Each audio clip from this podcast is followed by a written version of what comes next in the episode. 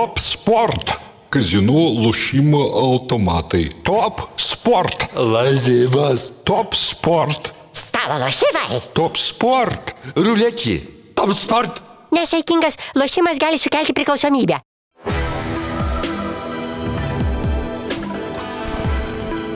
Šviturys ekstra nealkoholinis. Tai, ką sugebame geriausiai.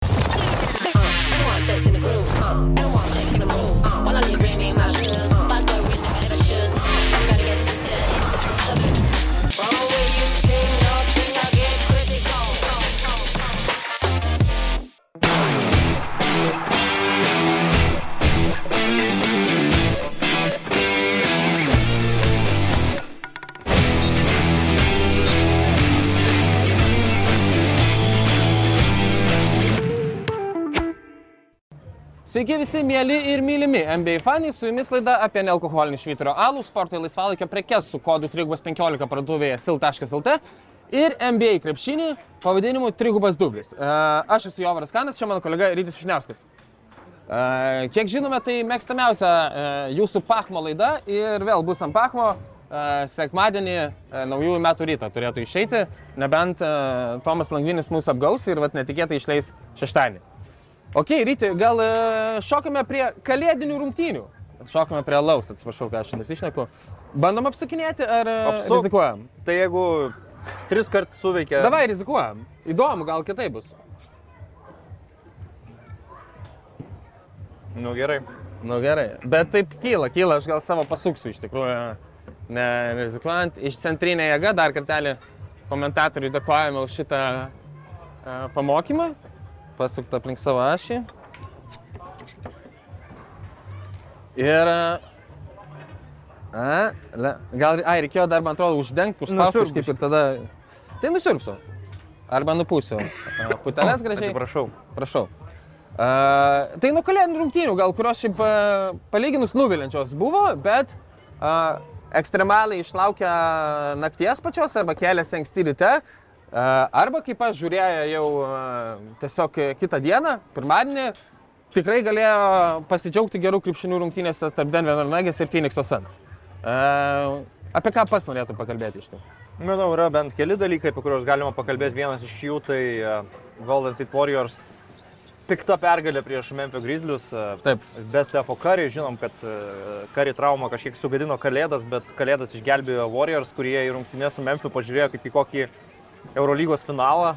Prisibazarinės Džamorantas. yra. Prisibazarinės buvo Džamorantas, gavo tikrai nemažai strėlių iš Klėjaus, iš uh, Dreimono Grino, ne tik Ne Džamorantas. tik čia visi jie ten. Visiems buvo staugiama veidus. e, Dilanui Bruksui staugama tiesiog... e, Gulinti žmogų, apstaugė ir pirštais apibadė. Po rungtynių. Dilanas Bruksas to skundė, sako, šneka visas rungtynės, o techninės dalinamos mums ar ten pražangos. e, Aš manau, kad pamokėlė vis dėlto jaunimėliui, kad e, kol jūs playoffuose kažko nepasiekėt, kol nelaimėjot žiedo, nesat jūs dar jokia dinastija, negali jūsų žvaigždė išeiti ir sakyti, kad vakarų konferencijoje jie nieko nebijo.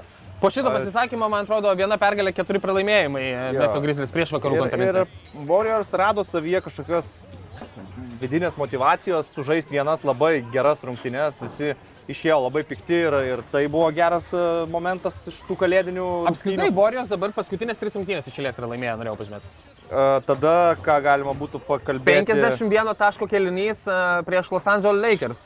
Pirma rungtynių pusė Dallas Mavericks, Los Angeles Lakers. Ganėtinai atkakli, Lebronas ten šėlsta labiau, Luka tokias gan rames rungtynės demonstruoja. Apie jo nerames rungtynės šią savaitę mes dar irgi pakalbėsime, bet e, 51 taško trečiasis kelinys.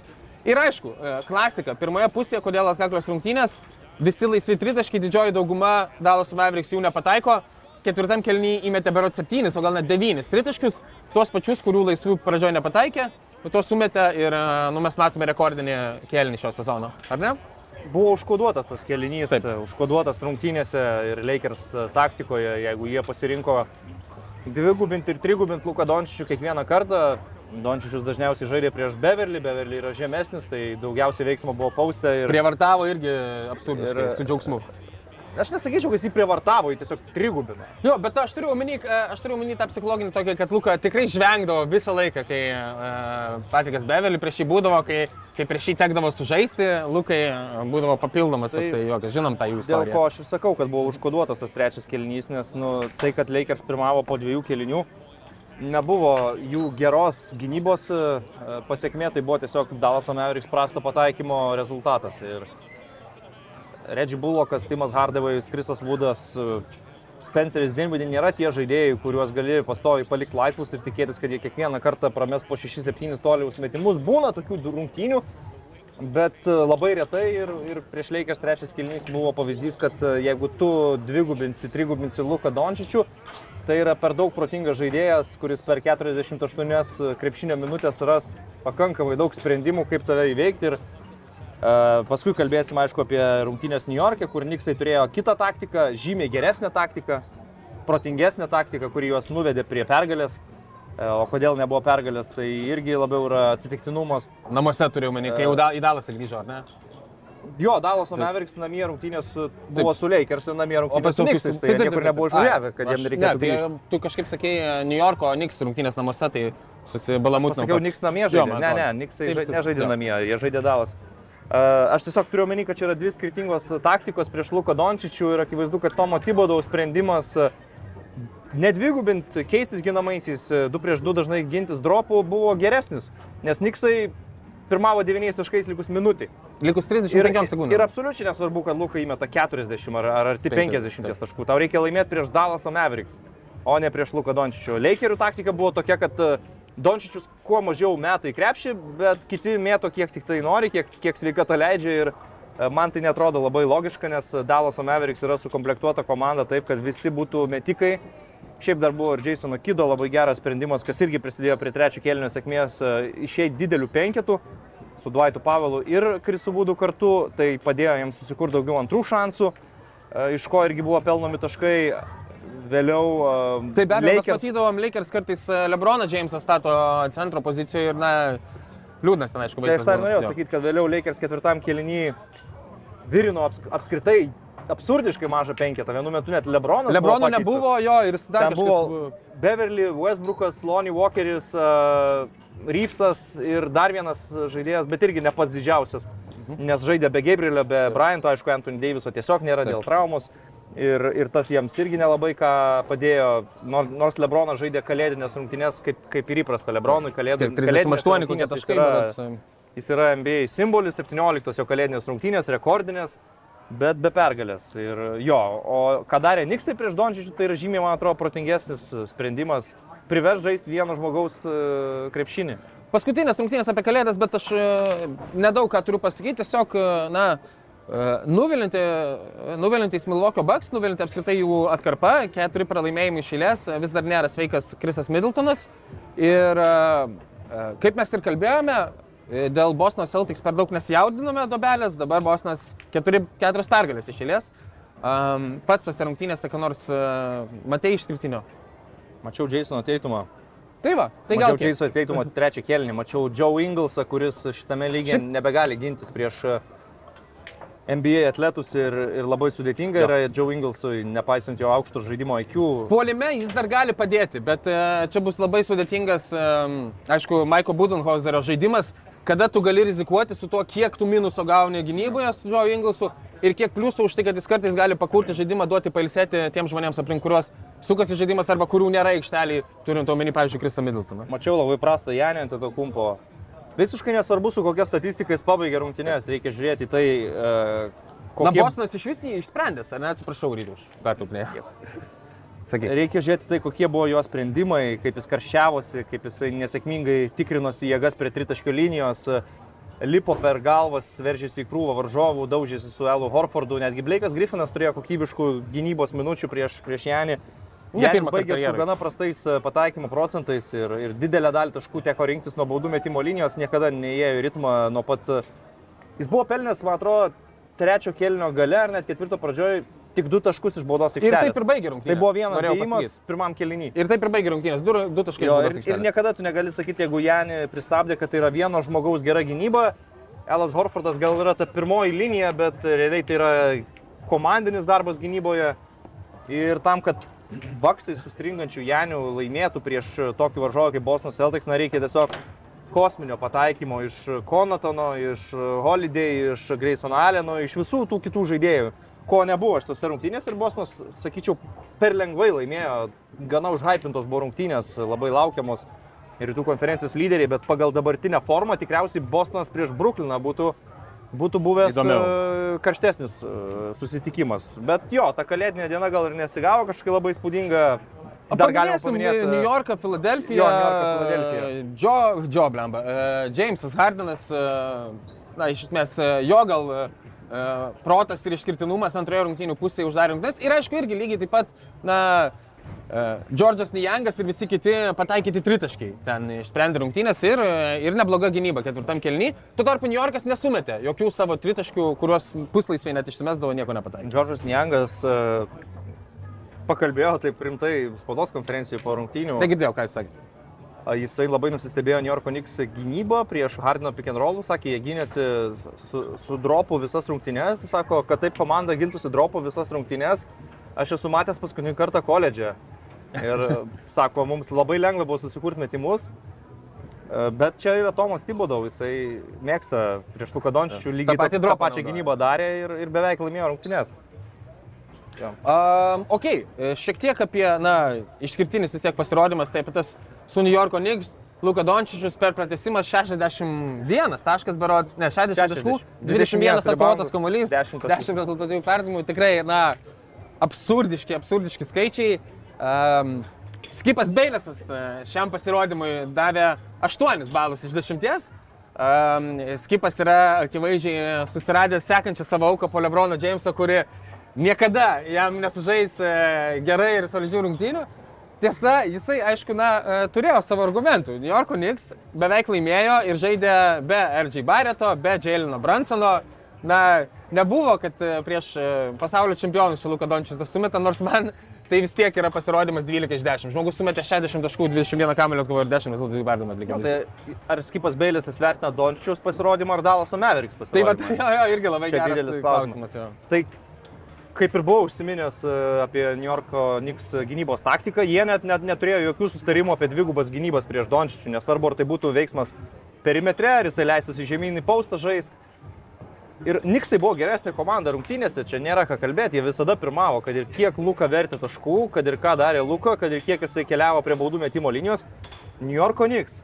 Likus minutiai pirmavo 9 taškais, likus 33 sekundėm vis dar pirmavo 9 taškais. 35 sekundėm likus uh, pirmavo 9 Ir taškais. jau. tiesiog tada nutiko Šiaip Spencerio Dinvidžio tritaškai, ko gero, ir Kišanovudo tritaškis ten buvo jau tie. jų dvi, dviejų tritaškiai, tada uh, Dončiaus Enduanas, uh, Dončiaus uh, pramesta bauda, Idealiai kamuolys, tobulai pramesta bauda, bet ten irgi buvo niekieno kamuolys, kurį mušinėjo Niks krepšininkai virš galvų, kol pasigavo Slovenas. Ir Ir Luka Dončius, tiesa, reikia pasakyti, galvoja, kad jie laimėjo rungtynės, kai jisai tą įmetė. Pats pripažino tą, kad jisai susipainiojo ir jisai dėl to ten šoko tokį šokį um, e, įmetęs tą metimą, jisai galvoja, kad pergalingas metimas. Ir prie to dar buvo um, Niksų pramestos dvi beros baudos. Taip, Danny McBride'as berods. Ginčio kamuolys, kurį laimėjo Dalaso komanda. Nu, viskas sukrito. Nutiko visi blogiausi dalykai New Yorkui, kurie galėjo nutikti rungtynėse, kuriuose jie nesustabdė Luka Dončius, bet jų planas niekada ir nebuvo sustabdyti Luka Dončių. Jų planas buvo sustabdyti Dalaso Mavericks. Ir mes žinom, kad NBA lygoje 40 taškų pasirodymai jokių pergalių niekada negarantuoja. Ir jeigu ne tas stebuklas per paskutinę minutę, Luka Dončius būtų pabaigęs rungtynės su statistika maždaug KEM 2, 8 ir, ir 9. Taip. Ir mes kalbėtume, jo, Lukas sužaidė, bet va, kaip visada nėra pagalbos, New Yorkas atvažiavo, įspardė užpakalius Jo. patys Berdžiai Bereto žaisdami ir man šios rungtynės gal ne tiek pasako apie Dončičiaus mega talentą. Mums jau nieko naujo nepasakė. Man šios rungtynės dar kartą pasako, kaip trūksta pagalbos jam Dalaso Mavericks komandoje ir kaip sunku jam bus šitą komandą šį sezoną atkrintamosiose varžybose pasirodyti, visų pirma, patekti į atkrintamasias varžybos, o antrą ir bent vieną etapą įveikti atkrintamosiose. Tai tikrai, aišku, pagarba jam. Patiko ir tas interviu po rungtynių, kai Luka prašė atsistatymo alaus.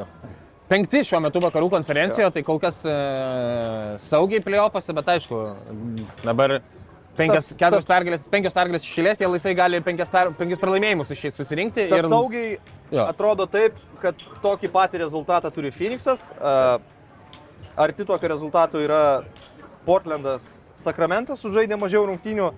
Juta 9 irgi ne per toliausiai ir Warriors e, pakėlė į 10 vietą irgi per dvi pergalės e, atsilieka. Tai man atrodo vakarų konferencijoje gali būti netgi istorinis sezonas, kai gal paskutinę dieną spręsis ten per penkias pozicijas, kas, kas kur Mes esame turėję tokį rytų konferenciją, jo. E, tai tikrai taip. E, e, iš puikioji ESPN statistika, kur ten absurdiškus skaičius pateikinėja, e, sako, kad e, per paskutinius 20 sezonų e, komandai atsilinkinėjant 9 ir daugiau taškų ir likus 35 sekundėm, tos komandos buvo nesykia nelaimėjusios iš 13 884 Per, bandymų. per kiek sezonų? Per 20 20 pastarųjų. pastarų sezonų. Ma, o Magreidžio dalykas. Magrai buvo... pasirodo 8 taškais jie laiminėjo, tai nu čia toksai žaidimas, kad jeigu paskuka Okay. buvo 9. Okay. Uh, tai va. Uh, užsiminiai apie Sacramento Kings, kurį persekioja ir galbūt galėtų aplenkti Dalasų Mavericks, tai uh, šokame apie juos pašnekėti. Yra svarbios naujienos. Luka, Don, Luka Dončičius, Domantas Sabonis patyrė visai uh, rimtą šiaip jau traumą. Uh, aš net nesuprantu, lū- lūžo rankoje, ar įskilo rankos kažkoks uh, kauliukas. Bijau nusišnekėti. Uh, dešinės, tai ne metamosios. Uh, Broken ligament, angliškai rašo, bet aš nesuprantu, kaip, Broken? li, kaip ligament gali būti broken, aš nesuprantu. Ligament tai, yra raištis. jo, tai kažkaip keistai. Tai dėl to... ne, ir- tai fractured.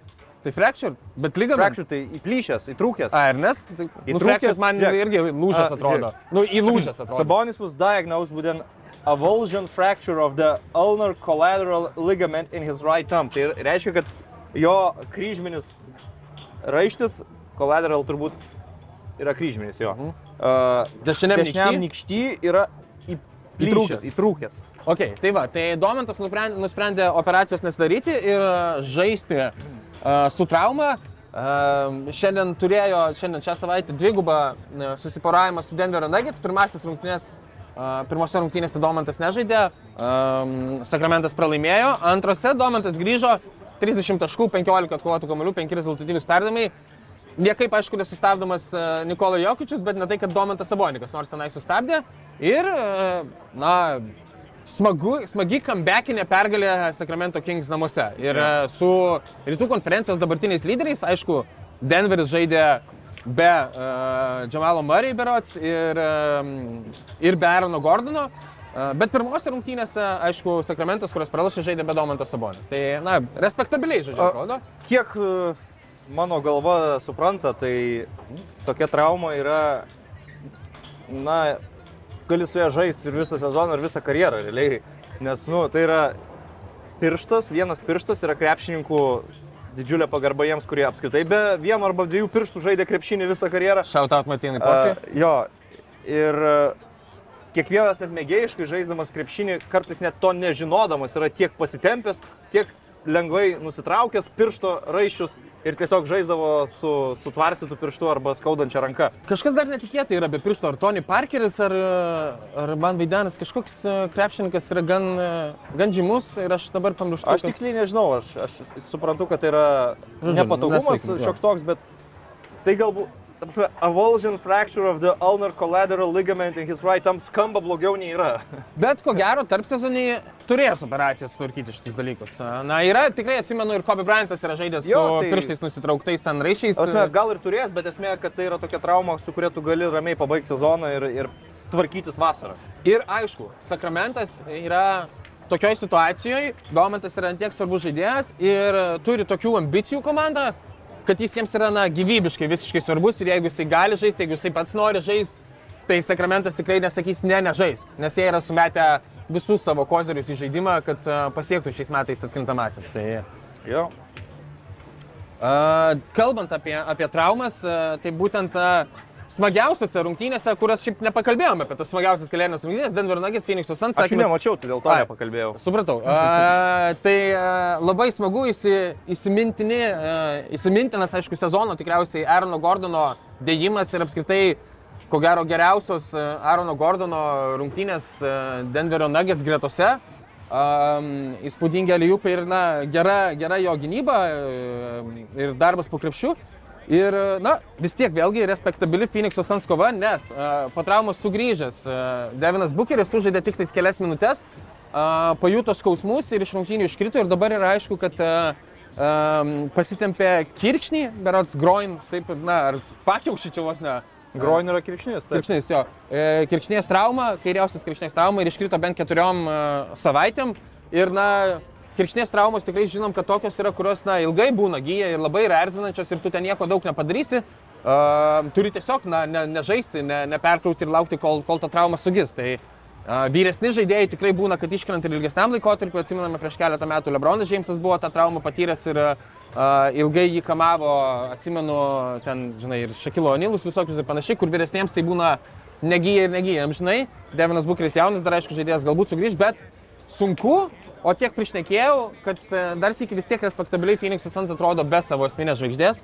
Ir nors uh, Krisas Polas netrodo tikrai kaip pikinis Krisas Polas, bet veteraniškai kamoliuką pastumė. Jau ir netrodys. Jau ir netrodys, aišku, bet, nu, susitaikyt. kai turiu omeny, kad pikinis tai bent jau uh, praėjusią sezono pikinis, kai jisai vietomis atrodydavo na, tiesiog įspūdingai. Tai bet gal ir to jau nebebus. Kalbant apie pikinius žaidėjus, tai reikėtų gal e, priminti, kad mes šiandien kalbame per Lebrono Jameso 38 gimtadienį. Mhm. Uh, Lebronas Jamesas pasižymėjo tuo, kad tweetino apie tai, kad jis daugiau niekada karjeroje neleis savo nežaisti atkrintamosiose varžybose. Jo, spoilinė. Bet aš tiesiog prie ko vedu, kad vėliau turėjau ištrinti šitą Taip, tai dėl to. Ir kas yra liūdniausia, ne dėl Lebrono Jameso Nu, nelabai gali. nežais į atkrintamosiose varžybose. Greičiausiai nežais. Jo, Greičiausiai nežais. Nes Lebronas, jeigu tu pažiūrėsi į jį, tarkim, kad ir kalėdinės rungtynėse su Dalas Mavericks, aišku, dal, dalis yra tuščios statistikos e, komandoje, kuri daug pralaimi rungtynių, bet pažiūrėjus, tarkim, pirmą rungtynių pusę su Dalas Mavericks, tu matai tuoj, tuoj 38 metų krepšininką, kuris e, ką nori daro prieš Timą Hardavėjų, kaip nori pelno taškus iš baudos aikštelės, iš greitų atakų. Staigumas, koks šuolis dar koks, Ir- jisai yra nesąmonė. Per visą aikštę prabėgimai tie visi. Taip, jisai gynyboje taupos jėgas ir kai kuriomis situacijomis netgi tampa inkaru. Taip. Nes jeigu tu dar norėsi, kad jis dar ir gintųsi, tai tada jau tikrai nepatems. Bet esmė, kad Lebronas Jamesas e, tokiame amžiuje yra vis dar elitinis atletas ir pagalvokim, ar yra buvę NBA istorijoje 38 metų dominuojantis krepšininkas. Na, reikėtų atsisukti kasetę, manau, kars nuo karto gal Karimas Abdul Džabaras dar galėtų, galėdavo taip sujudėti, bet mes neturim e, ak, akinių a, a, įrodymų, kad būtume patys matę. Plus tai buvo centras. Tai dar Taip. Centrui ir ypač e, 80-ųjų NBA, 90-ųjų pradžios NBA centro žaidimas ir įtaka atrodė visai kitaip. Ne, tai aš Bet- aišku bandau pritemti, ta prasme mes to tikrai nesame matę. Um, Karlas Malaunas savo uh, 38 gyvenimo metais dar Jutoje Jazz pelnydavo po 22,4 taško, atkovodavo 9 kamolius ir 4,3 rezultatyvaus perdavimo atlikdavo. Tai Jo, ir irgi, aišku, dar buvo nebloga. komanda. Ilgamžiškumo etalonas e, ir e, dar Alstaras buvo 38 metų, tai, tai kaž... Tai, Timas Duncanas, bet vis tiek aš kuris yra- nesakau, kad mes tą esame matę tikrai. Jo, Timas Dankanas, kuris yra, aš sakyčiau, profesionalo pavyzdys, būdamas 38 metų jau matėsi, kad visiškai gesta ir tuo įbaigs karjerą ir kad jau spars komanda nebegali jam Bet gynyboje vis dar puikus būdavo. didesnio vaidmens. Jo, gynybos vis dar buvo geras, bet mes kalbam apie tai, kad jisai iš lygos MVP jau buvo tapęs 13 taškų, ten 7 atkovotų kamolių žaidėjų. Michaelas Jordanas be abejo, 38 metų irgi, 23 taškai, 5, beveik 6 atkovoti kamuoliai, 5 rezultatai. Vašingtono Michaelas Taip, taip, Jordanas. taip. Nu, Ne, tai aš sakau, aš, nebuvo krepšinis. aš pritempinėjau ir noriu tiesiog, žinai, paminėti honorable mentions. Jo. Tokio lygio, to, ta prasme, jokių šansų, tikrai nesame matę ir aš abejoju, sakau, gal Karimas tam tikrose rungtynėse iššaudavo, nesam, negalim matyti, negalim sakyti, bet stabiliai Tai žmogus pelno po 30 taškų į rungtynės, atkovoja po 8 kamuolius, atlieka 8 rezultatus perėjimus. Nežinau tikslios statistikos, čia dabar būriu, kaip spėju, kokia jinai yra. Um, nu tai va, tai mes palyginus tikriausiai Washington Wizards ekipa, e, ten su Michael Jordanu abu sezonus 37 pergalės, 45 pralaimėjimai. Tai šita Lebrono Jameso ekipa neaišku, ar tiek pasieks, bet labai, labai panaši, bet Lebronas atrodo dar aišku įspūdingiau negu Michaelas norėjau- paskutiniais savo metais. pabrėžti, kad jeigu galit ir turit laiko kada nors, e, susiraskit, kad ir YouTube įrašų Michaelo Jordano už Washington Wizards tų geresnių rungtynių, kur ten vienosiais buvo gal ir apie 40 taškų. Buvo sumetęs. įskėlis, 50 gal net buvo vienose, man atrodo, kaip seniausias 50. Pažiūrėkit tas rungtynės kada nors. Tai nebuvo krepšinis. Tai, kad Jordanas žaidė Washington ir kaip atrodė visą tai, tai nebuvo krepšinis. Ten man panašu į... Kobės Bryanto paskutinės rungtynės Los Andželė. Ne, man panašu į e, super gerus europiečius futbolininkus atvažiuojančius į Major League Soccer sužais paskutinių sezonų. Ten Davidas Beckhamas Los Angeles Galaxy ir Andrėja Pirlo New York'e. Tai vad kažkas tokio buvo Michaelas Jordanas Vašingtonė. Jordanas ir pats, man atrodo, neseniai yra pasakęs, kad uh, klaida buvo grįžti ir žaistos porą sezonų už Washington Wizards, tai buvo beprasmiška ir, ir jo kaip geriausio visų laikų krepšinko legacy tai absoliučiai nieko nepridėjo. E, Mes būtume atsiminę Michaelą Jordaną kaip žaidėją, kuris išėjo su Šiaip- Game Winneriu NBA finale, bet dar yra tie du sezonai, O kurių šiaip dar- galėjo ir nebūti. Dar būtų įspūdinga, uh, tarsi lygiai tai jisai galėjo gerą palaikyti ir uh, čia beje dar uh, reditukė išmetė kažkas, uh, būdamas uh, 38 ar 39 metų tą prieš paskutinį ar paskutinį savo sezoną, uh, tai jūs pasakysiu, paskutinį savo sezoną, 39 metų būdamas Lebronas Džeimsas vidutiniškai žaisdavo po 37 minutės. Michael Jordanas. Ma- Michael Jordanas, atsiprašau, po 37 minutės, dabar tai būtų pirmas lygoje rezultatas. A, Ir, na, tarsi, sužaisdavo tikrai adekvačių atkarpų, tai turėjau pasakyti, kad dar būtų buvę gal kažkiek smagu, jeigu jis bent jau į laiminčią komandą būtų nuėjęs, ar ne? Mes, No, bet jinai nebūtų laiminti, jeigu jis Nebūtų, žaistų ne, jeigu jis- 37 Ir minutės. jeigu jisai būtų pagrindinis, pagrindinis žaidėjas, tai be abejo, jinai, jinai nebūtų, nebūtų laiminti. Aš bet, manau, žodžiu. Nebuvo variantų jam būti laiminčios komandos dalimi tuo metu, bet dalykas su Jordanu tas, kad buvo galimybė nebaigti karjeros Čikagos Bulls su tuo metimu.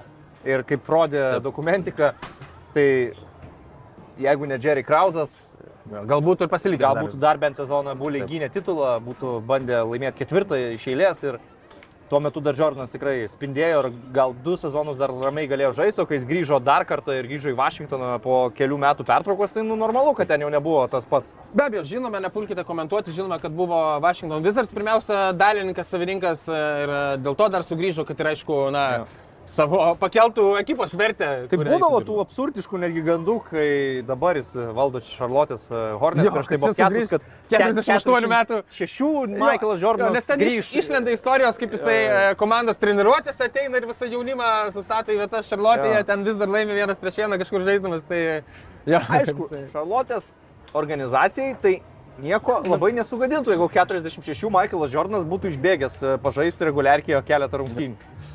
Kalbant apie Šarlotės organizaciją, šokam į šiokias tokias naujienas, nebent kažkokį bendrą apžvalginį, kažkokį pointą dar noriu pasakyti. Vytai. A, norėjau galbūt paminėti. Pilna naujienėlių. Paminėti Bruklino rungtynę su Clevelandu, Taip. nes realiai kaip per kalėdas buvo rungtynės Bostonas prieš Milwaukee, tai po kalėdų buvo rungtynės Clevelandas prieš Brukliną. Buvo, kaip sakyt, Bostonas Milwaukee rytų konferencijos finalas ir tada mini rytų konferencijos finalas Bruklinas prieš Clevelandą. Ir reikia pastebėti, kad e, Nets prieš Clevelandą sužaidė labai tvarkingas, e, geras rungtynės. Jacques Wong.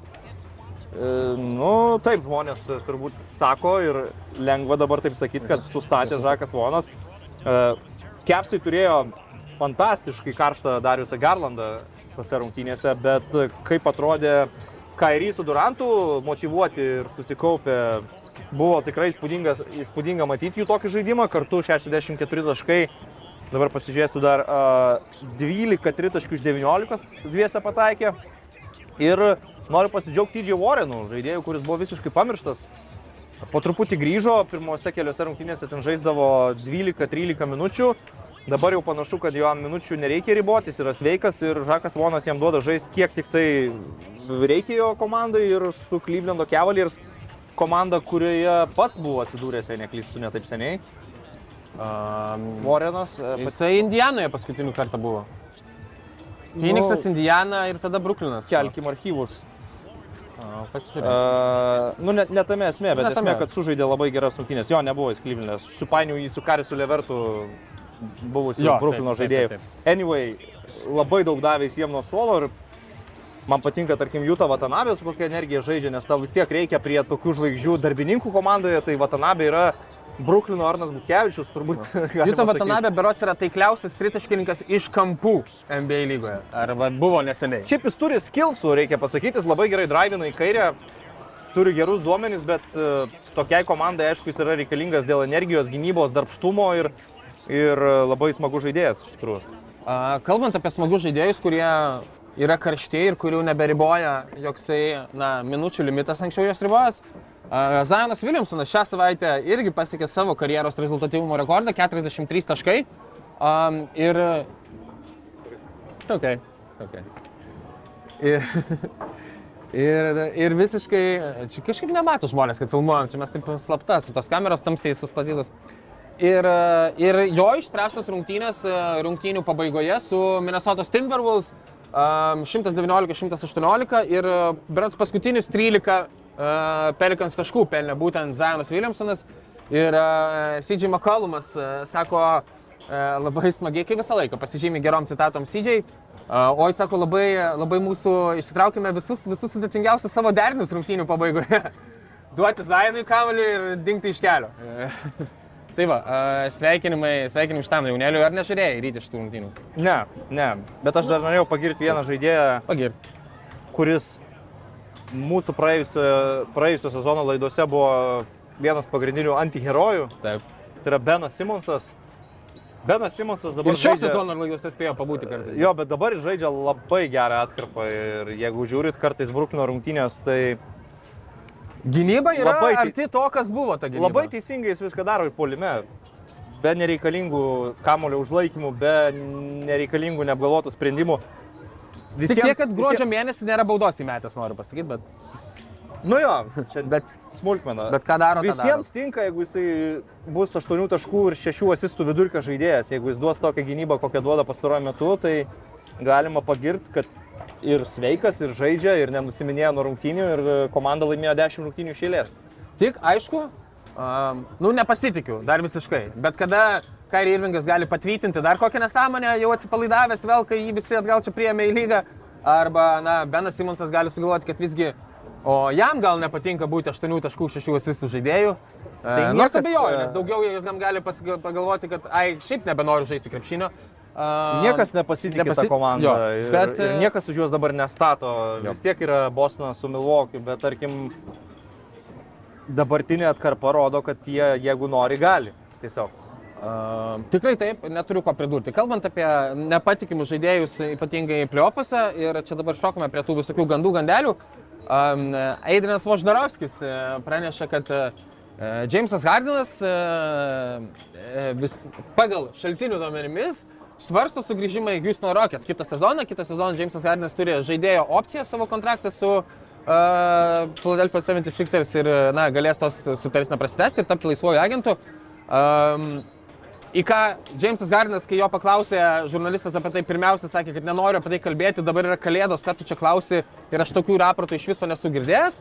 Ir po rungtynių pakomentavo, e, mes laimime, aš jaučiuosi gerai, um, komanda laimi, aš jaučiuosi gerai. Daug maž kažkas tokio, bet nepaneigė, kad šitos jo idėjos grįžti į Jūsną yra nesąmonė. Um, tiesa, iš Jūsno pusės aš nematau visiškai racijos, uh, kam ten reikia Jameso Hardino.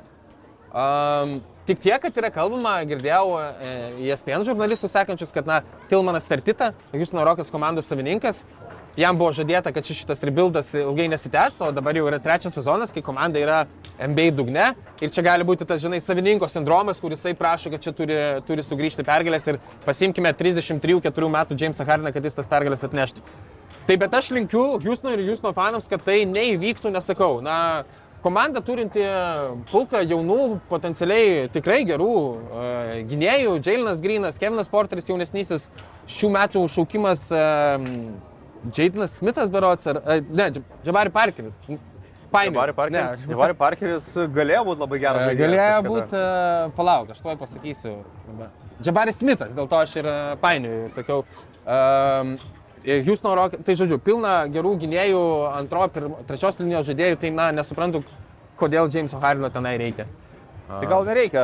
Ta prasme, jeigu naujiena ir pranešimai yra tokie, kad Jamesas Hardinas norėtų grįžti į Houstoną, nėra naujienos, kad Houston Rockets norėtų, kad Jamesas Hardinas grįžtų į Tikrai Houstoną. taip. Tikrai taip. Um, tu matai e, kokią nors raciją ten jam keliauti? Mm, Jam gal ir matau. Jam tai jo, jisai ten... e, Gal jam patinka, Teksas, jam patinka Teksase tikrai- geri kepsniai, geresni stripakai. Stripakai daug, tikrai. daug gali būti e, priežasčių jam. Mokesčių sistema yra ten pat palankesnė. Labai daug priežasčių Jamesui Hardenui sugrįžti, labai mažai priežasčių Houston Rockets susigražinti. jį. Uh, kalbant apie sugrįžtinus žaidėjus, liūdnai pagarsėjęs ir, na, vis dar, aš nežinau, ar oficialiai nubaustas, nepasitikrinau, Milesas Bridgesas už um, smurtą šeimos aplinkoje. Um, yra kalbama, kad, na, Šarlotės Hornas, aišku, jį su juo prasitęs sutartį, yra derinamos e, ten skaičiai ir detalės. Dabar Jamesas Hardenas, e, ne Jamesas Hardenas, aišku, uh, Milesas Bridgesas yra šiokio tokio, na, neoficialiai suspenduotas, jisai šiaip sveikas gyvas, bet, na, Šarlotės Hornas ekipoje jisai nežaidžia. Um, ir jo dar ko gero laukia, kai jau sugrįš ar kažką pasirašys.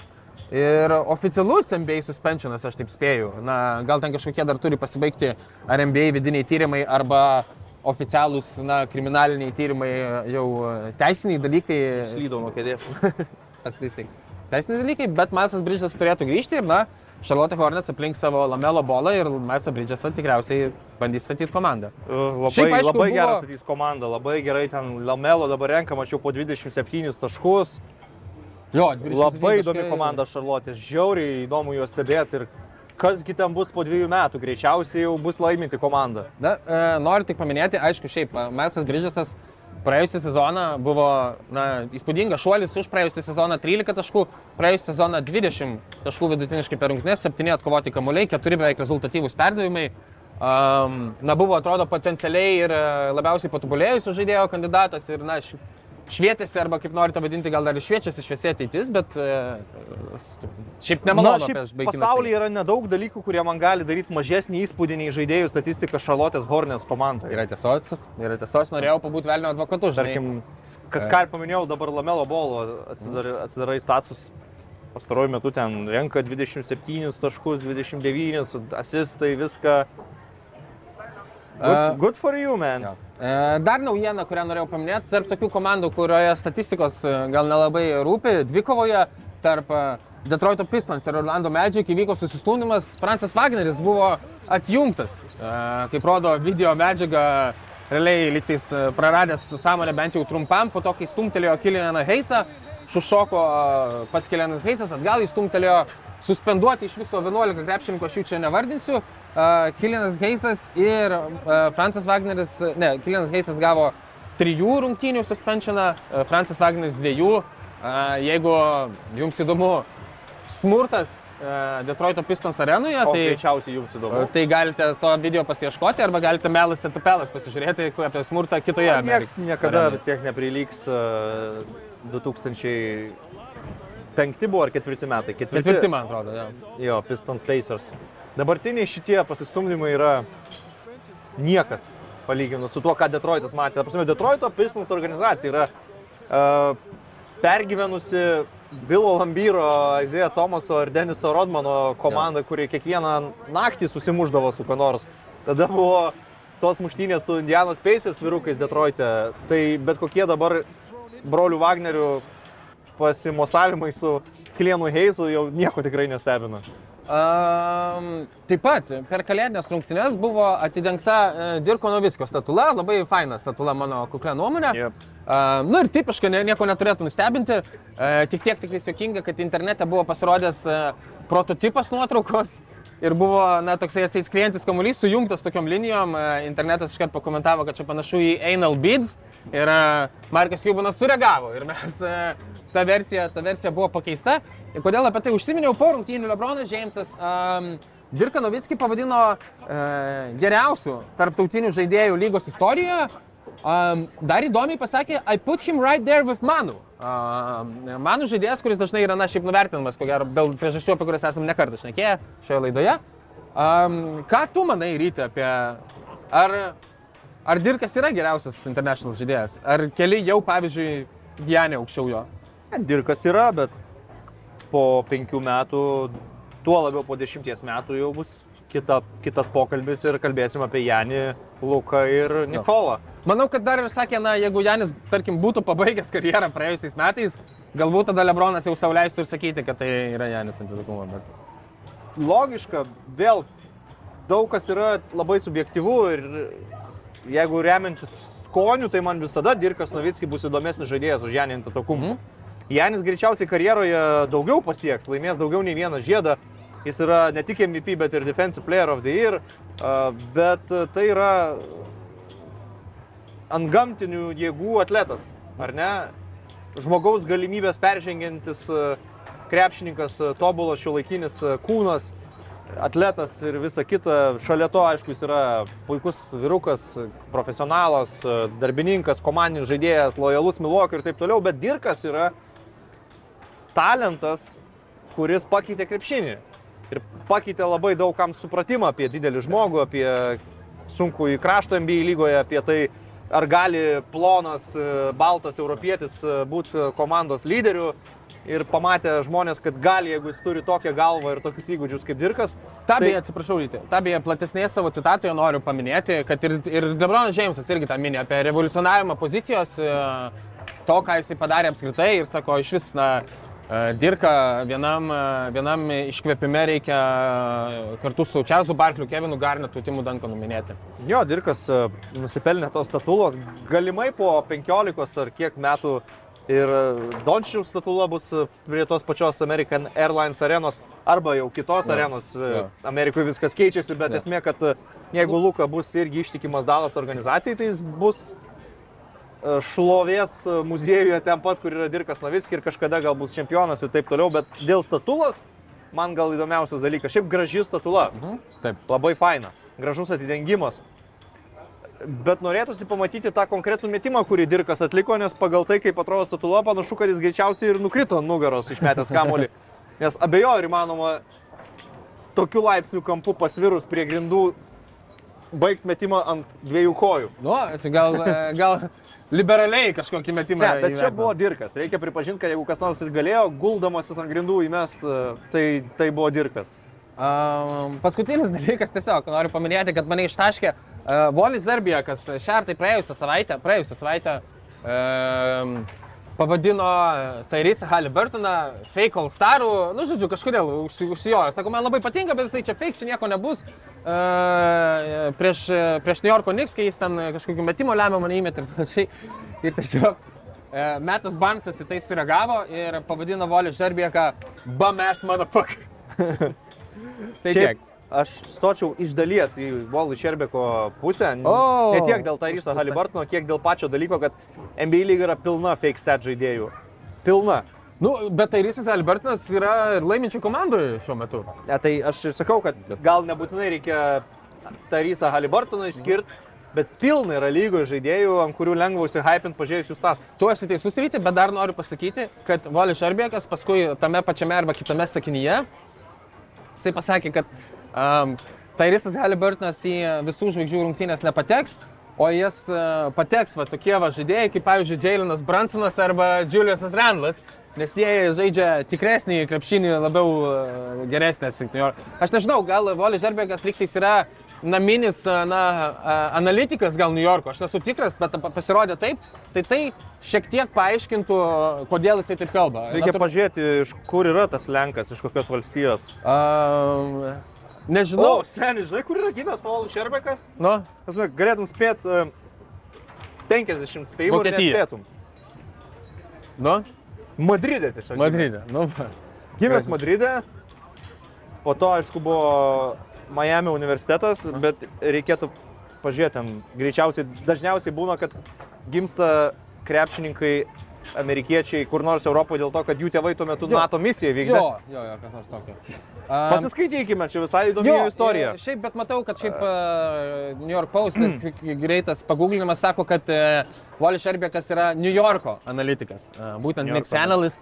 Tai, nu, suprantama, kodėl jisai čia šiek tiek šališkas šitame savo komentare. Volis Šerbekas yra ukrainiečių kilmės, atsiprašau, net ne lenkų, nors Nu. pavardė atrodė su visais labai lenkiška, ukrainiečių kilmės. Stereotipė. A, jo seneliai buvo antrojo pasaulinio karo pabėgėliai vakarų Vokietijoje, po karo emigravę į Ameriką, į Pittsburgą, bet niekur neprašyta, kaip Volis Šerbekas gimė Madride. Nu, jeigu norite, pasigūglinkite ir pa, parašykite mums komentaruose, gilesnį researchą pasidarykite. Judam ryti į mūsų rubriką ant suolo, nes turime dar aibę žiūrovų klausimų. Į, nu, Ką, radai, kuris, kodėl tėvai... Jo tėvas Walteris Šerbekas Taip. atvedė Madrido Realą į tris Eurolygos titulus. O, papa, nu va, gražiausia, tai ne NATO misija, o... Ne NATO misija. Jo, krepšinio misija. Krepšinio misija. Seni. Nu, gal, gal žaidži Seni. su Saboniu? Ispanijos lygos. Ai, ne, nu, Saboniu ne. Ispanijos lygos taškų rekordas priklauso Volui Šerbeko tėvui. 65 taškai per vienas rungtynes Ispanijos ACB lygoje. Atradimų vakaras, klausykite, ar ne? Reikės apie Volį. Šerbeko tėvą gal atskirą. Volis. Šerbekas e, Europoje pa- su tėvu visur keliaudamas išmoko ispaniškai ir itališkai. Atrodo protingas žmogus, o tokias nesąmonės kalba. Jokauju, be abejo. Um, tai va, the more you know. Judame į rubriką ant suolo. Tai turite jau išpolin. Nu kas dar? Atsimenu, mes turėdavom e, praėjusią sezoną rubriką Legendų kovos. Jo. Britney Spears ar Kristina Aguilera? Man Kristina Agulera, neabejotinai. Argumentai. Aš esu tiek į kumštuką pridaužęs. e, Čia ne argumentas. Čia ar man čia argumentas. Ir ji yra geresnio balso savininkė. Ji man gražesnė visą laiką buvo, seksualesnė ir geresnio balso savininkė. Ir įdomesnė. Man visą laiką bad girls, drąsios, e, kietos e, merginos atrodė įdomiau. Atlikėja Pink. e, Kaip? Atlikėja Pink. Atlikėja Pink irgi tą patį sąrašą įdomiau negu tokios atseit angeliukai kaip Britney Spears. Ir balsas ten, Kristinos Aguleros ten per penkias oktavas yra urbanistiniai mitai, kad negali dainuoti arba galėjo bent jau. Tai nebijotinai Kristina Agulera. Ir ma- tikrai kažkur su Angelina Jolie top 2 mano kumščio, kaip sakant, savininkė. Gilioje, gilioje paauglystėje buvus, kai per MTV ar Viva užgrodavo Kristinos Aguleros dirbti, turėdavai 2-3 minutės, kaip sakant. Su reperiu Redmanu. Tada, tada Pornhubas nebuvo taip prieinamas, nebuvo tokio dalyko iš viso. Tai sukome, gyvenome taip, kaip galėjome gyventi mes, veteranai. Ok, čia per daug informacijos ar pats tas kiek Iškirps Tomas, ką reikės. Tai tikrai neiškirps šitos vietos. Bet čia bus viena iš tų, kur aš paskui Facebook'e pausinau, kad štai yra nuostabi laida apie krepšinį. O tau? Uh, labiau Kristina, bet Nu, aš prašau. turiu pripažinti, kad Britney Spears turėjo bangerių. Be abejo, aš to tai Faktas, neneigiu. kad kai jinai išgarsėjo Lietuvos plotmėse su Ups, I did it again, bu- buvo heitinama labai stipriai berniukų, Jo. bet mergaitės mokykloje mėgo, Taip. ten pieždavo Britney ir panašiai, bet vėliau aš turiu duoti kredito, kad buvo absoliučių O, tikrai, bangerių. puikių bangerių. Uh, uh, uh, Ups, I did it again ir Bomfunk MC's Freestyler ketvirtos klasės išleistuvėse mūsų tik šitos dvi dainos sukosi gal Rota- 3, 4 ar rotavosi. 5 valandas. Tik šitos dvi dainos. Rotavosi. Bomfunk MC's Freestyler bahūrams ir mergoms e, e, Britnės Ups, I did it again. Ir daugiau, daugiau nieko 4 valandas negrojo toje, tose koridoriuose Simono Stanevičiaus vidurinės mokyklos. Šėlam ketvirtokai. Aš dar kartą priminsiu, kad laimėjau mokykloje karaoke su Nelly ir Kel- Kelly Rowland daina Dilema. Abi, abi partijas Abi atlikai. partijas atlikau. Yep. Fantastika. Ok, tu jau išspoilinai, kad ant suolo sodinu Lebroną dėl to, kad jis patvirtino, kad, nebe, kad nebegali žaisti nepatekdamas į playoffus ir tada ištrynė, suprasdamas, kaip šitą komandą atrodo. nepateks Kad greičiausiai. nepateks greičiausiai. Kas Yep. yra petį, nes tai pasakė, whatever, let it go. Ir, ir taip pat noriu pasadinti Graysoną Alleną, kuris e, eilinį sykį pasižymėjo nesportišku elgesiu. Šį kartą uh, jį stumtelėjo, berots kažkas, na, ar užtvarą kietai pastatė vienas iš Bucks komandos, ne, vienas iš Bulls komandos žaidėjų. Ir šalia buvo Demaras Drausnas ir e, Greisnas Alinas virto į Demarą Drausną kažkaip taip, kad jo alkūnė surado Drausino veidą. Ir, e, na, iš vienos pusės tu gali sakyti, kad jo priešininkai jį gal stumtelėjo į tą, iš kitos kitas žaidėjas, neturintis tokios reputacijos, na, e, žiūrėtum galbūt kitaip. Uh, Greisnas Alinas turi tikrai tokią reputaciją, kad šlikščiai žaidžia ir šitas momentas man video atrodė irgi ganėtinai specialiai. Po rungtynių ir Damaras Drausnas sakė, nu tai, nes paskui jie ten apsižodžiavo gerai ir visa kita. Ir, uh, ir Drausnas sakė, na tai jo tokia reputacija, aišku, jeigu ten būtų Bobanas buvęs, uh, taip Drausnas ir pasakė, tada aš nieko nebūčiau sakęs. Nes tu žinai, kad čia gali tikrai jau jisai piktybiškai nieko nepadarys, o Greisnas Alinas yra kita kalba. Jo, aš norėčiau ant suolo pasodinti du vyrus, kurie turėjo beefą Twitter'yje. E, Tai yra Kendricką Perkinsą ir Sergei Baką. Abu. Todėl, kad Kendriko Perkinso bairiukas apie Ibakos amžių yra, nu, žiauriai kabantis obolys ir labai nuspardytas arklys. Jis Ir, pasakė, esu ir aš sakęs prieš kokius du metus tikrai. Ir šiaip, nu, tai nebėra nei jokinga, nei, Jo. nei išvalgų, nei... Ir tikrai skau, nu, šlikštų. Ir plus tai maitina tą stereotipą apie afrikiečius su netikrais pasais. Taip. Tai yra reali gyvenimo pasaulio problema, kuri kažkiek yra ir sporto pasaulyje, bet tai tuo pačiu užmeta stereotipą, kad vos ne kiekvienas sėkmingas iš Afrikos kilęs sportininkas turi plus penkis metus prie savo amžiaus, kas yra nu, labai... Jo, e, ir, ir atseit, ir atseit visa, visa Afrika nesugeba dokumentų savo tvarkyti, trečio, trečio pasaulio valstybė, nieko ten gero. Bet ant suolo sėda kartu ir Seržas Ibaka, nes nu ta dešimties tweetų serija, kuris ten visiškai išsiverkė ant Kendriko Perkinso, ant to, koks jis blogas buvo komandos draugas Oklahomos laikais, kaip jis dabar čia sauliaidžia šiktant visų telikė, kaip jisai nemoka profesionaliai atlikti savo kaip TV analitiko darbo ir ten dešimt tweetų tiesiog vienas paskui kitą iš Seržo Ibakos. Nu, irgi atrodė žiauriai silpnai. E, Silpniškoka. Tu gali ignoruoti Perkinso bairį, tu gali atsakyti vienu konkrečiu sakiniu, kad seni labai šūdinas tavo bairis. Jo. Arba tu gali parašyti 10 vytų, išsiverkti, įsilieti ir nu, taip pat atrodysi kaip, nu, Aišku, nu, ko gero, aki- ne, ko gero aišku, kad akivaizdžiai skaudi tema, jisai pats irgi, kad tu čia, na, maitini, kaip ir turite minėjai tą stereotipą ir, ir Bakas su tuo tikrai yra susidūręs ir tos Jo. komentarus girdėjęs 10 metų ir galbūt, žinai, šiek tiek išsprogo ir galvoju, iš ko, iš ko nenoriu girdėti, tai iš buvusio komandos draugų, iš kolegos blemba, internetiniai komentatoriai čia tegu rašinėja. buvo šūdinas bairis, tai nėra jokių kalbų, kad tai yra nu, šūdinas Perkinso bairis, nelaikur ne vietai pasakytas ir tuo metu, kai jis pasakė, aš pažiūrėjau paskui tą video, kolegos laidoje net nesureagavo į tą jo teiginį, nei kas nusijokė, nei kas ten replikavo, tiesiog Tokia tyla. praėjo ir viskas. Bet Kendrikas Perkinsas dar sėdė ant suolo pas mane dvigubai už tą žinutę po Dončičiaus rungtynių 60 taškų prieš New Yorko Knicks, kur aš tau siunčiau jo žinutę. Žinutė skamba taip. If we judging by tonight, it's Luka Doncic by a mile. Then it's everybody else. I know he said it's easy for him to get numbers in the NBA, but damn, 60, 21 and 10. God bless America, carry the hell on. Prie ko čia God bless America? Ką tik vieno populiariausio Amerikos franšizų New Yorko Knicks išpiso Slovenas. Ką reiškia, God, ką reiškia God bless America? Prie ko čia tavo Amerika, seniai? Tiesiog ekstazija žmogus, belega, aš negaliu. God bless America. Gerai, kad tas Slovenas atvažiuoja iš Ispanijos ir išpisa visą, visą Ameriką. Top sport. Kazino lošimo automatai. Top sport. Lazivas. Top sport savo lošimai. Top sport, ruletį. Top sport. Nesaikingas lošimas gali sukelti priklausomybę.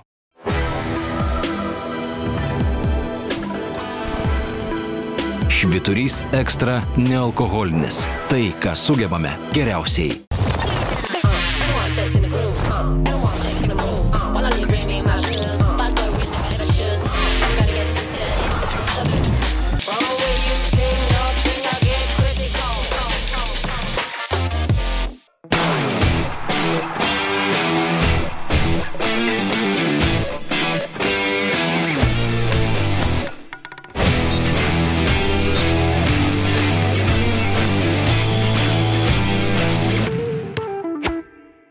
Ok, žiūrovų klausimų rubrika, ačiū Jums už juos. E, Visgirdas mūsų klausia, kas yra NBA lokautas ir dėl ko jis kyla. Tai kuo paprasčiau bandysiu atsakyti. E, NBA lokautas kyla tuo met, kai lygos žaidėjų asociacija nesusitarė su lyga dėl kontrakto sąlygų. E, Kas kažkiek laiko e, NBA žaidėjų asociacija kartu su NBA e, pasirašo kontraktą, kurio labai didelė dalis ir esmė ir dėl ko kyla nesutarimai yra uh, pelno pasidalinimas, kiek eina žaidėjams ir kiek eina lygai uh, už visokius televizinius kontraktus ir taip toliau ir panašiai. Jo.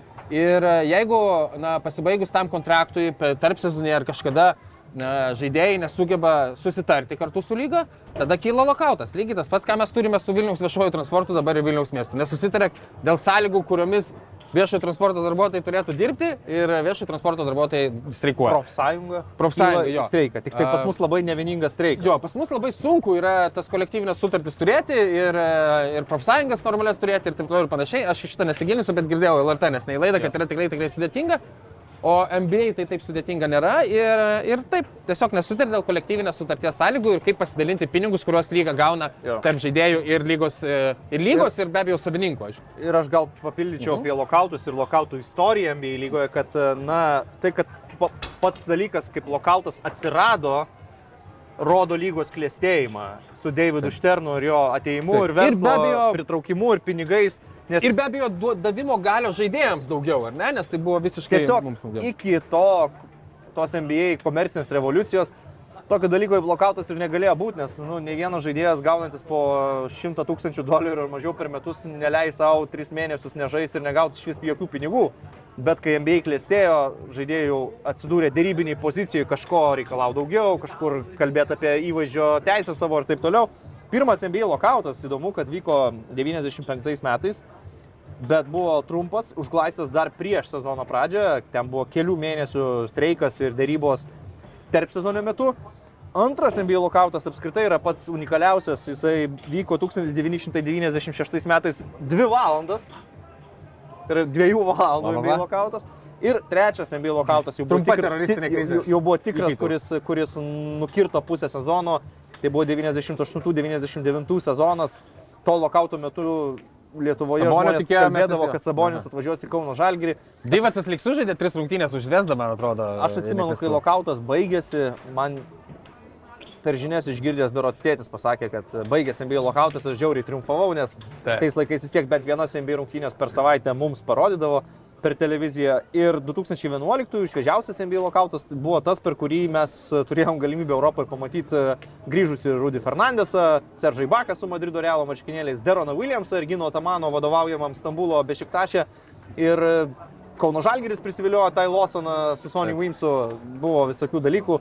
Ir tai jau buvo toks šio laikinės NBA eros lokautas. Ir dabar aš e, prastai padariau, kad nepasitikrinau, bet artėja sutarties pabaiga ir taip pat artėja didžiuliai pinigų influksai iš sutarties su televizijomis NBA lygoje. E, Ir yra kalbama, kad e, kai tokie dideli pinigai, mes galime išvysti dar vieną lokautą čia už metų ar dviejų.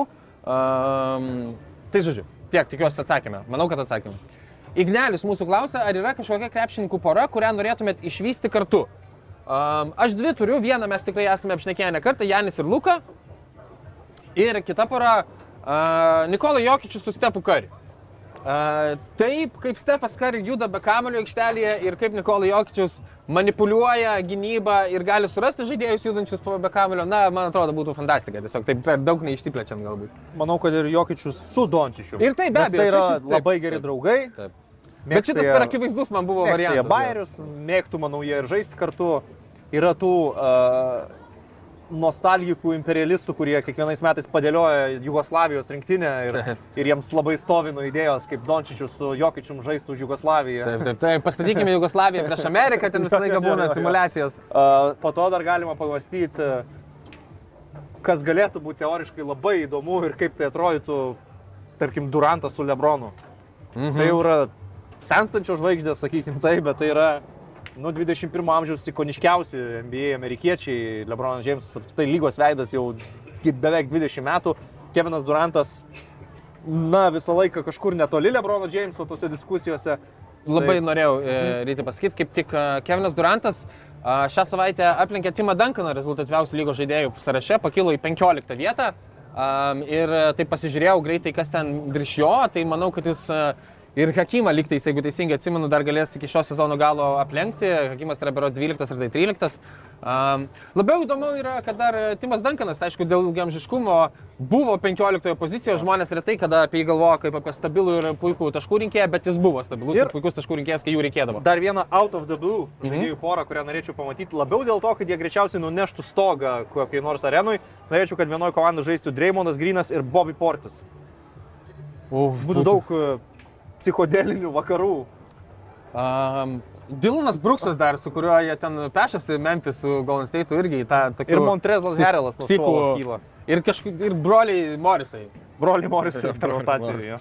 Um, uh, Ryčio fan pages mūsų klausia, ar Desmondas Beinas yra underrated.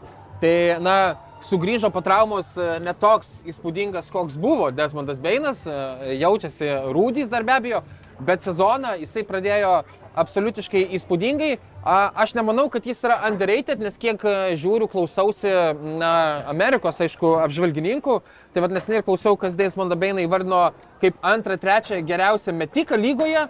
E, lygoje, kurioje mes turime be abejo Stefą Curry, Daviną Lillardą, Klejų Thompsoną tą patį ir panašiai.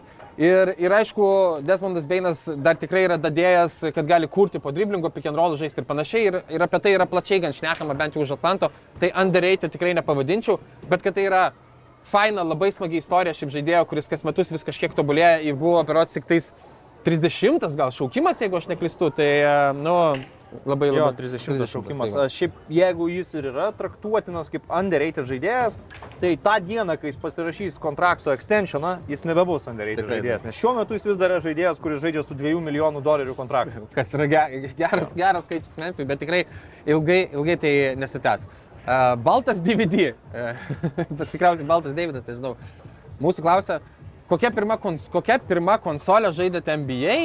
Um, tai aš tiksliai nepamenu, ar aš segų visokių neturėjau, mano, gal net zilitono neturėjau, gal kažkokį dar padėlką to turėjau ir nemanau, kad ant jų žaidžiau. Aš atsimenu geriausiai, atsimenu Esu žaidęs 96 NBA Life, bet geriausiai atsimenu, kaip žaidžiu 98 su Timu Hardavėju ant viršelio.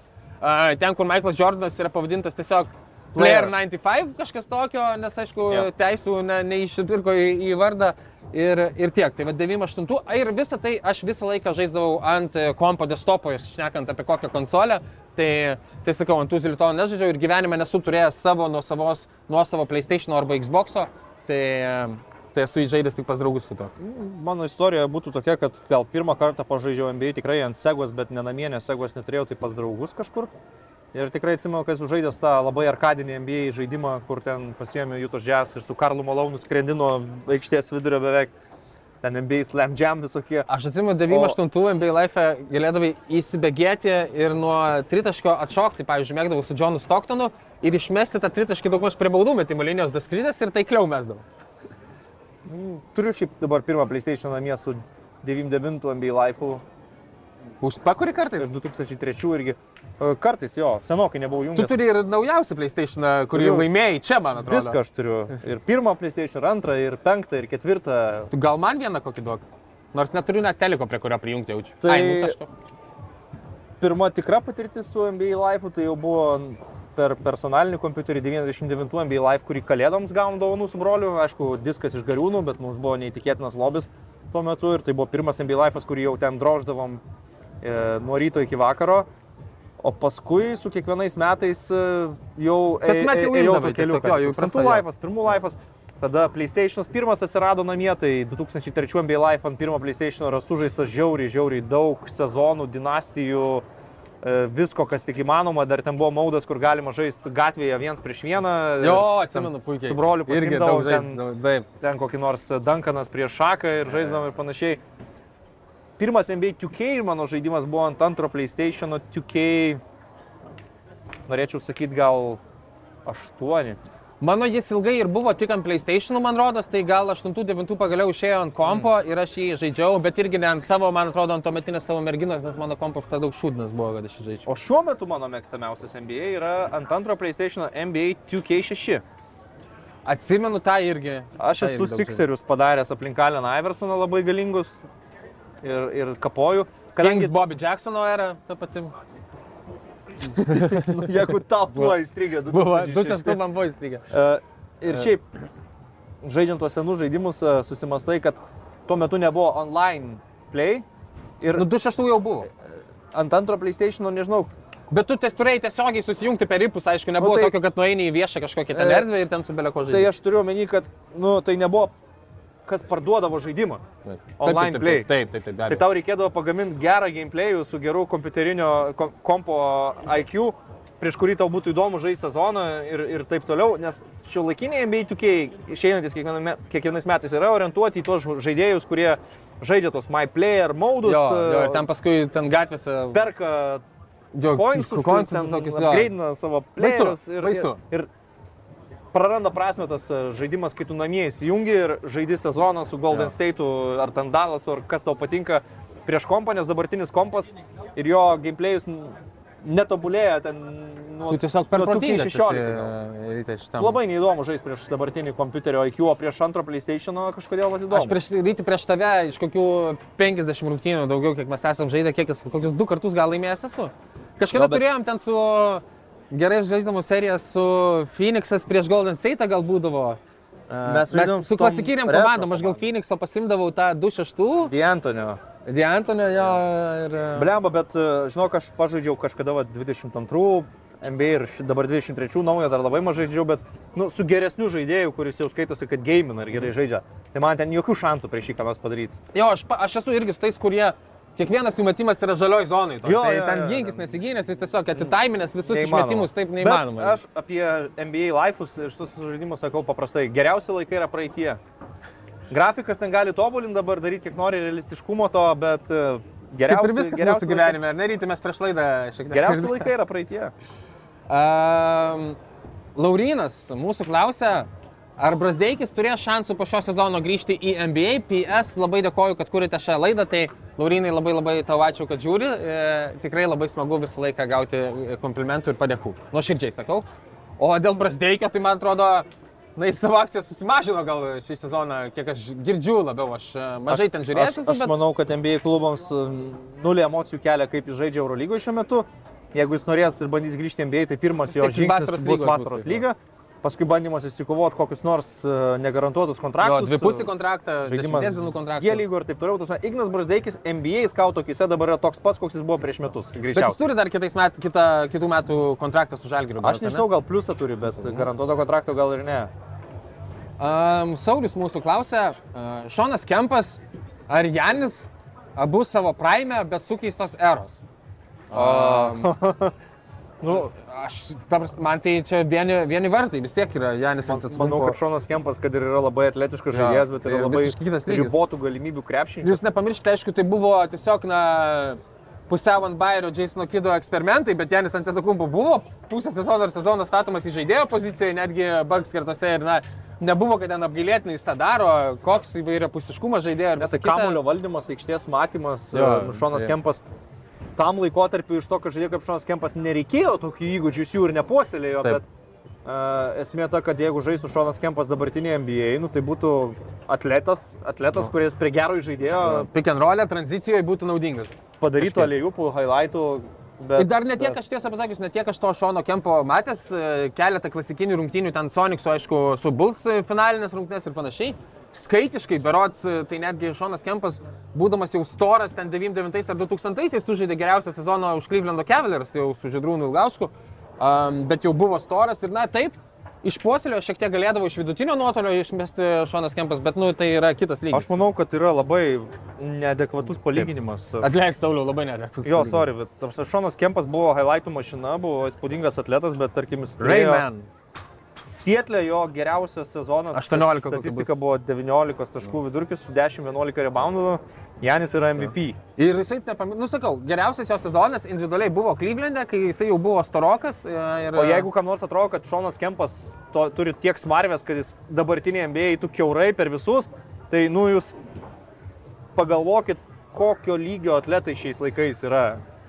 Dovydas klausia, kokia NBA žvaigždė dar neturinti žiedo turi realiausią šansą gauti jį šiame sezone. Um, nu, tai man atrodo yra du akivaizdus variantai, arba tai yra Jasonas Teitumas, arba tai yra Nikola Jokičius. Uh, aš Labiau Jasonas Teitumas. Labiau, manau. ko gero, Jasonas Teitumas. Na, nu jo, lab, nu kaip, bet e, man atrodo, e, sunkesnis kelias gal rytuose, jis bus prasimušti iki finalo. Nemanau. Nu, bet ne, nežinau, pai, šiaip tai painiava yra, aš visiškai ko bijau, tai klausimo, kas laimės. NBA e, galiu šaudyti beleką, dabar neįmanoma pasakyti mano nuomonę.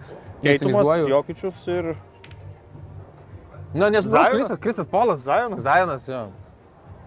Um, Kapleris, e, mūsų e, mylimas bičiulis ir e, kolega užkalduos galės languose.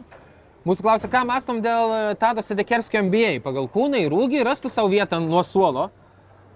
Na, tai fizinius duomenis be abejo Tadas Sedekerskis turi.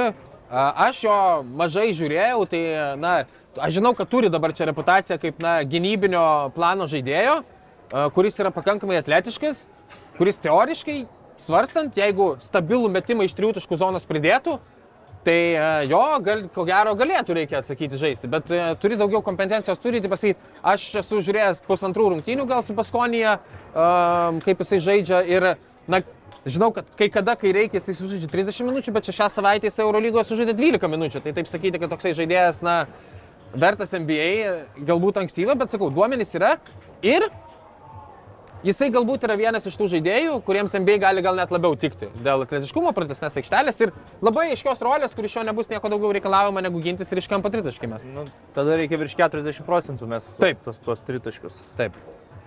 Man tas klausimas, ar, ar galėtų NBA, ar, ar, ar tiktų NBA, nu, Daug ten loterijos yra, daug kas galėtų pabūti patekti į NBA, kažkur atsidurti kažkokiose aplinkybėse. Šiais laikais jau nebėra didelis stebuklas. Įvairių žaidėjai ten patenka, nu, ten Simonė Fontekė Eurolygoje atrodė labai geras krepšininkas, jau prie žvaigždės traukia, išmėsiu akį, ką jis Jūtos Džes, pavyzdžiui, gauna šiuo metu Simonė Fontekio, žaidžia po 9 minutės vidutiniškai. Tai Ar, ar, Tadas Rekerskis yra geresnis krepšikas iš Simonio Fontekijo? Tikrai ne, talento prasme, bet tau reikia dar to pačiu patekti tinkamų į vietoj, tinkamų laikų. Ir šiaip realių NBA žaidėjų jau laikyčiau tą, kuris žaidžia playoffų komandų rotacijai.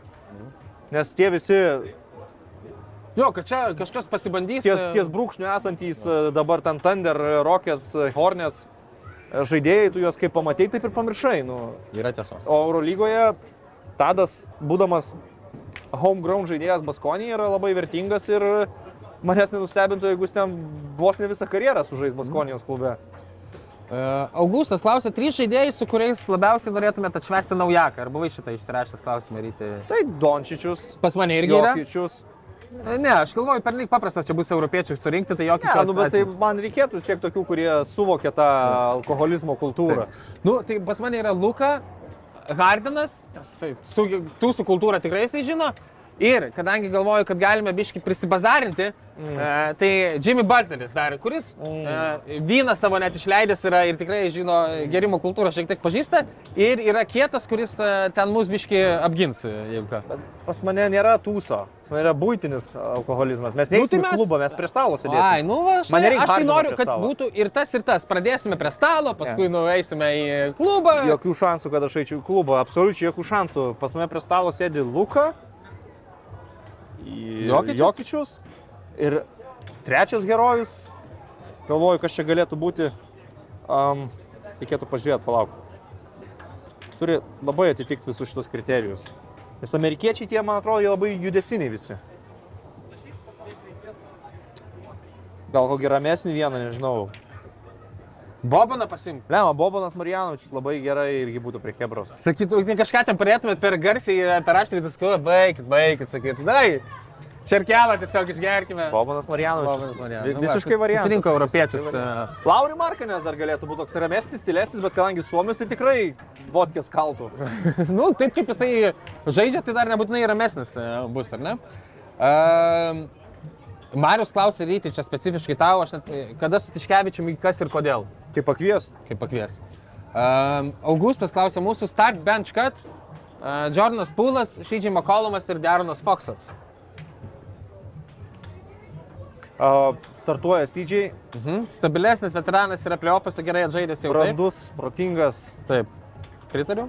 Uh, atmetu nuo komandos Foxą. Ir nuo suolo eina pūlas.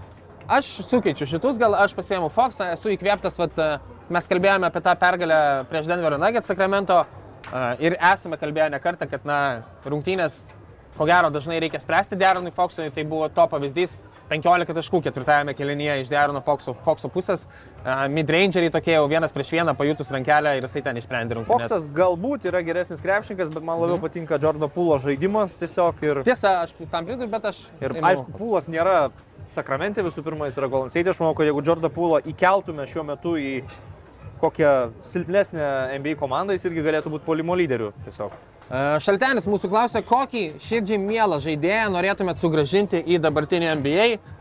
Tai labai aiškiai aš noriu sugražinti Kobe Bryantą. Dėl įvairių priežasčių šiaip noriu ir gyvųjų tarpą Kobe Bryantą sugražinti.